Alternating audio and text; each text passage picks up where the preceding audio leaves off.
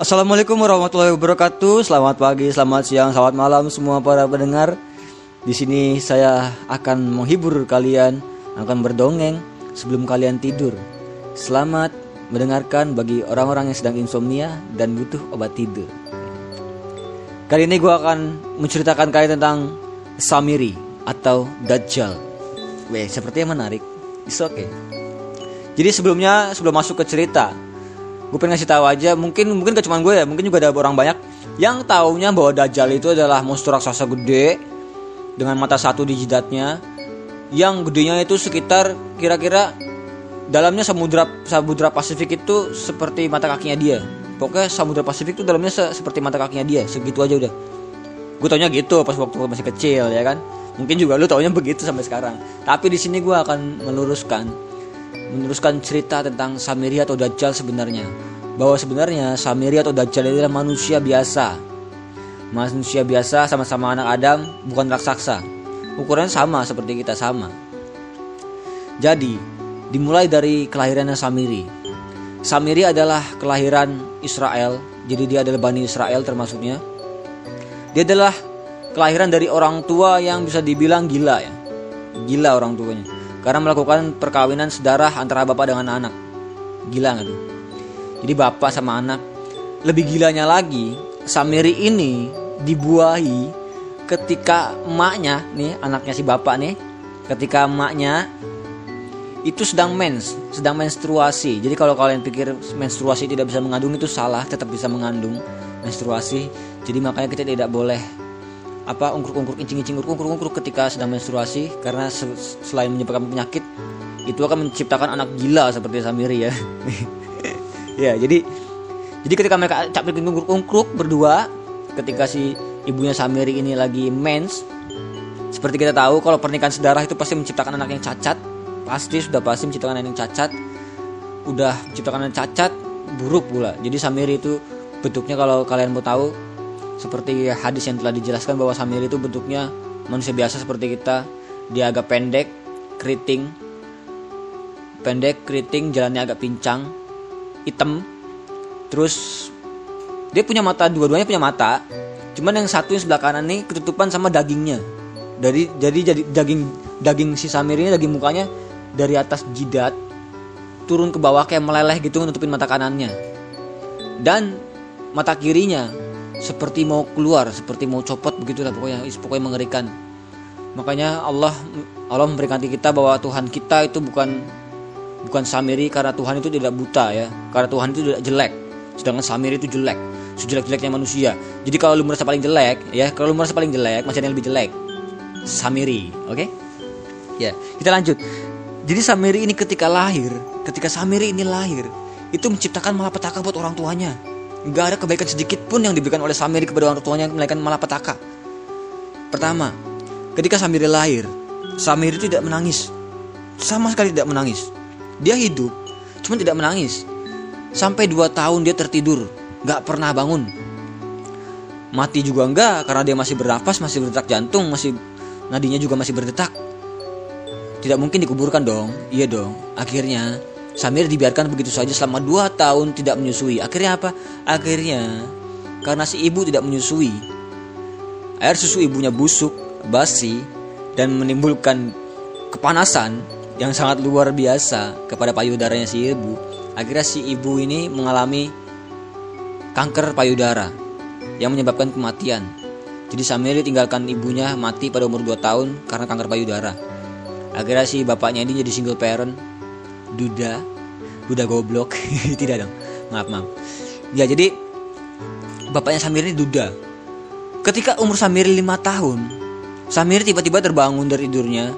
Dia pindah ke patung. Patung besar tempat sesembahan para bani-bani Israel pada zaman itu.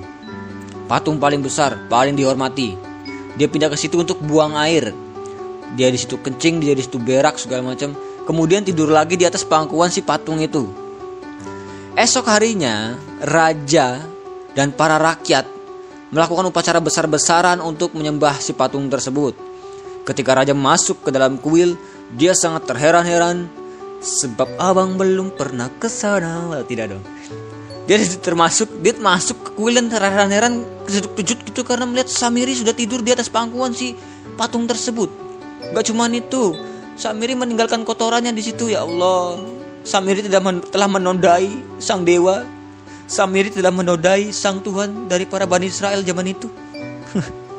Akhirnya si raja ini sangat marah besar. Dia marah besar kepada bapaknya Samiri dikata hei ini anak bapakmu. Eh sorry sorry. Dia kata woi ini anak anakmu kan? Kok bisa bisanya dia tidur di sini? Pasti kamu yang mindahin. Bapaknya bingung wah tidak bapak. Saya kan tidak tahu sama sekali. Demi apa pun tidak tahu saya. Demi patung kan soalnya kan tuhannya patung ya jadi ya demi patung demi patung saya tidak tahu ya sudah kalau begitu kamu saya penjara sampai kamu bisa membuktikan bahwa Samiri jalan sendiri bukan dipindahkan oleh kamu Akhirnya si bapaknya tidak bisa membuktikan dong karena Samir tidak bangun-bangun. Si bapaknya ini pun akhirnya dibunuh oleh sang raja dihukum mati tepatnya. Akhirnya si Samir ini dirawat oleh sang raja. Yang nggak ngerawat juga sih. Tinggal di tempat tidur ya, ya kan? Samir kan gak bangun-bangun. Di tempat tidur.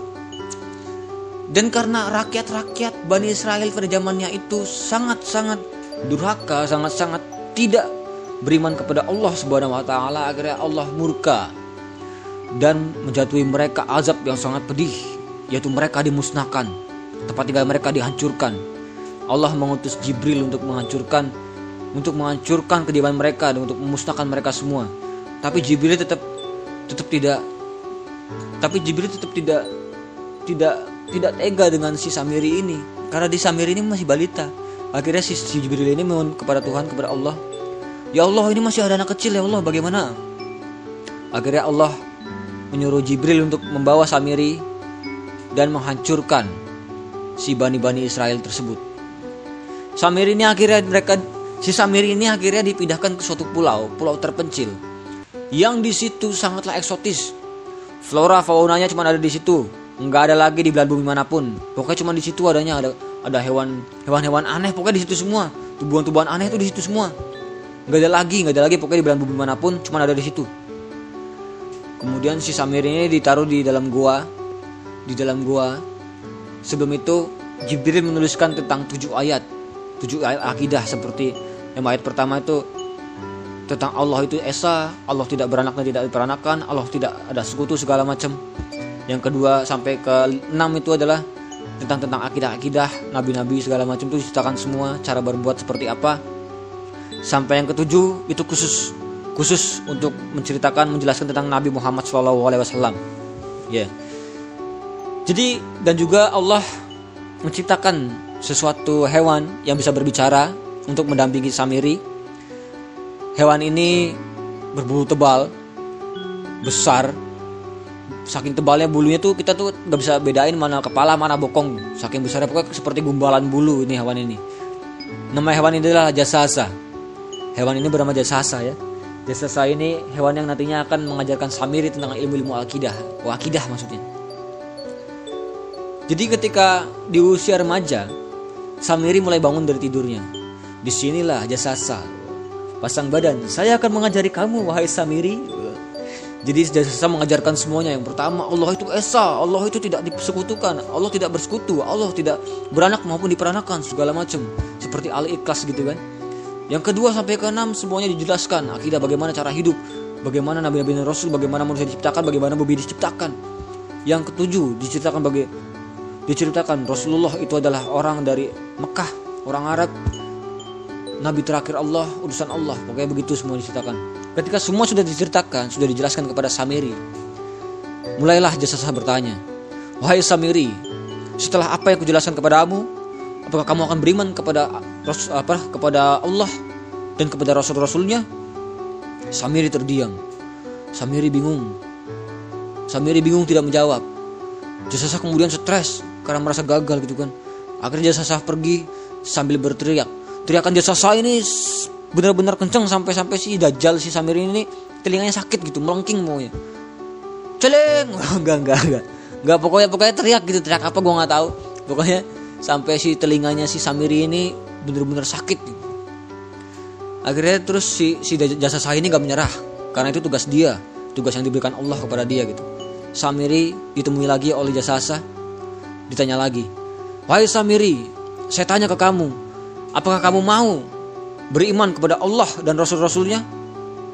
Samiri tetap bingung, tetap diam. Bagaimana ya? Bagaimana ya? Tidak tahu apa yang terus dilakukan oleh Samiri.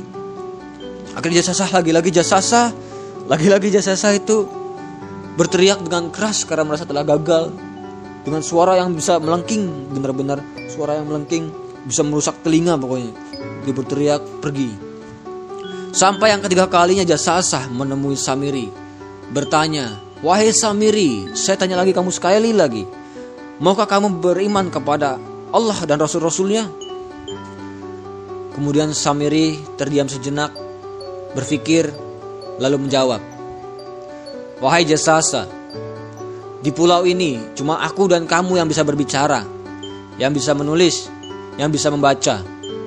Wahai jasasa, jika kau jika kau bukanlah sosok dari Allah ataupun Rasul-Rasulnya, itu berarti akulah Allah tersebut. Wah makin makin stres jasasa. Wah bagaimana ini? Aduh pusing. Jasasa pusing. Akhirnya jasasa menyerah dan Allah mengurung Samiri di dalam gua memberinya kerangkeng kerangkeng apa ya seperti dirantai jasa sah akhirnya akhirnya Samiri ini di, dirantai dan jasa sah menjaga Samiri begitulah Samiri akhirnya Samiri akan keluar nanti ketika masanya tiba. Siap-siap akan kita keluarin Dajjal karena Dajjal akan menyebarkan fitnah yang sangat besar pada manusia. Itu saja dongeng gua pada malam hari ini. Mungkin suatu saat nanti next gue akan menceritakan tentang bagaimana Dajjal akan keluar terus Dajjal akan mati segala macam. Itu next di next suara gue selanjutnya siaran gue selanjutnya. Thank you untuk para pendengar jangan lupa dukung-dukung dongeng-dongeng gue agar gue tetap semangat untuk mendongeng kalian dengan cara di share like, comment, dan subscribe kalau di YouTube Jangan lupa share juga, like follower, eh, like follow di fanspage Dongeng Indong, di Instagram Dongeng Indong, di YouTube juga Dongeng Indong sama semua, oke? Okay? Terima kasih yang sudah mendengarkan. Yang mau ngasih gue apa yang mau ngasih gue cerita-cerita juga boleh, nanti gue ceritain dan gue sebutkan nama akun kalian, oke? Okay? Terima kasih semuanya. Assalamualaikum warahmatullahi wabarakatuh.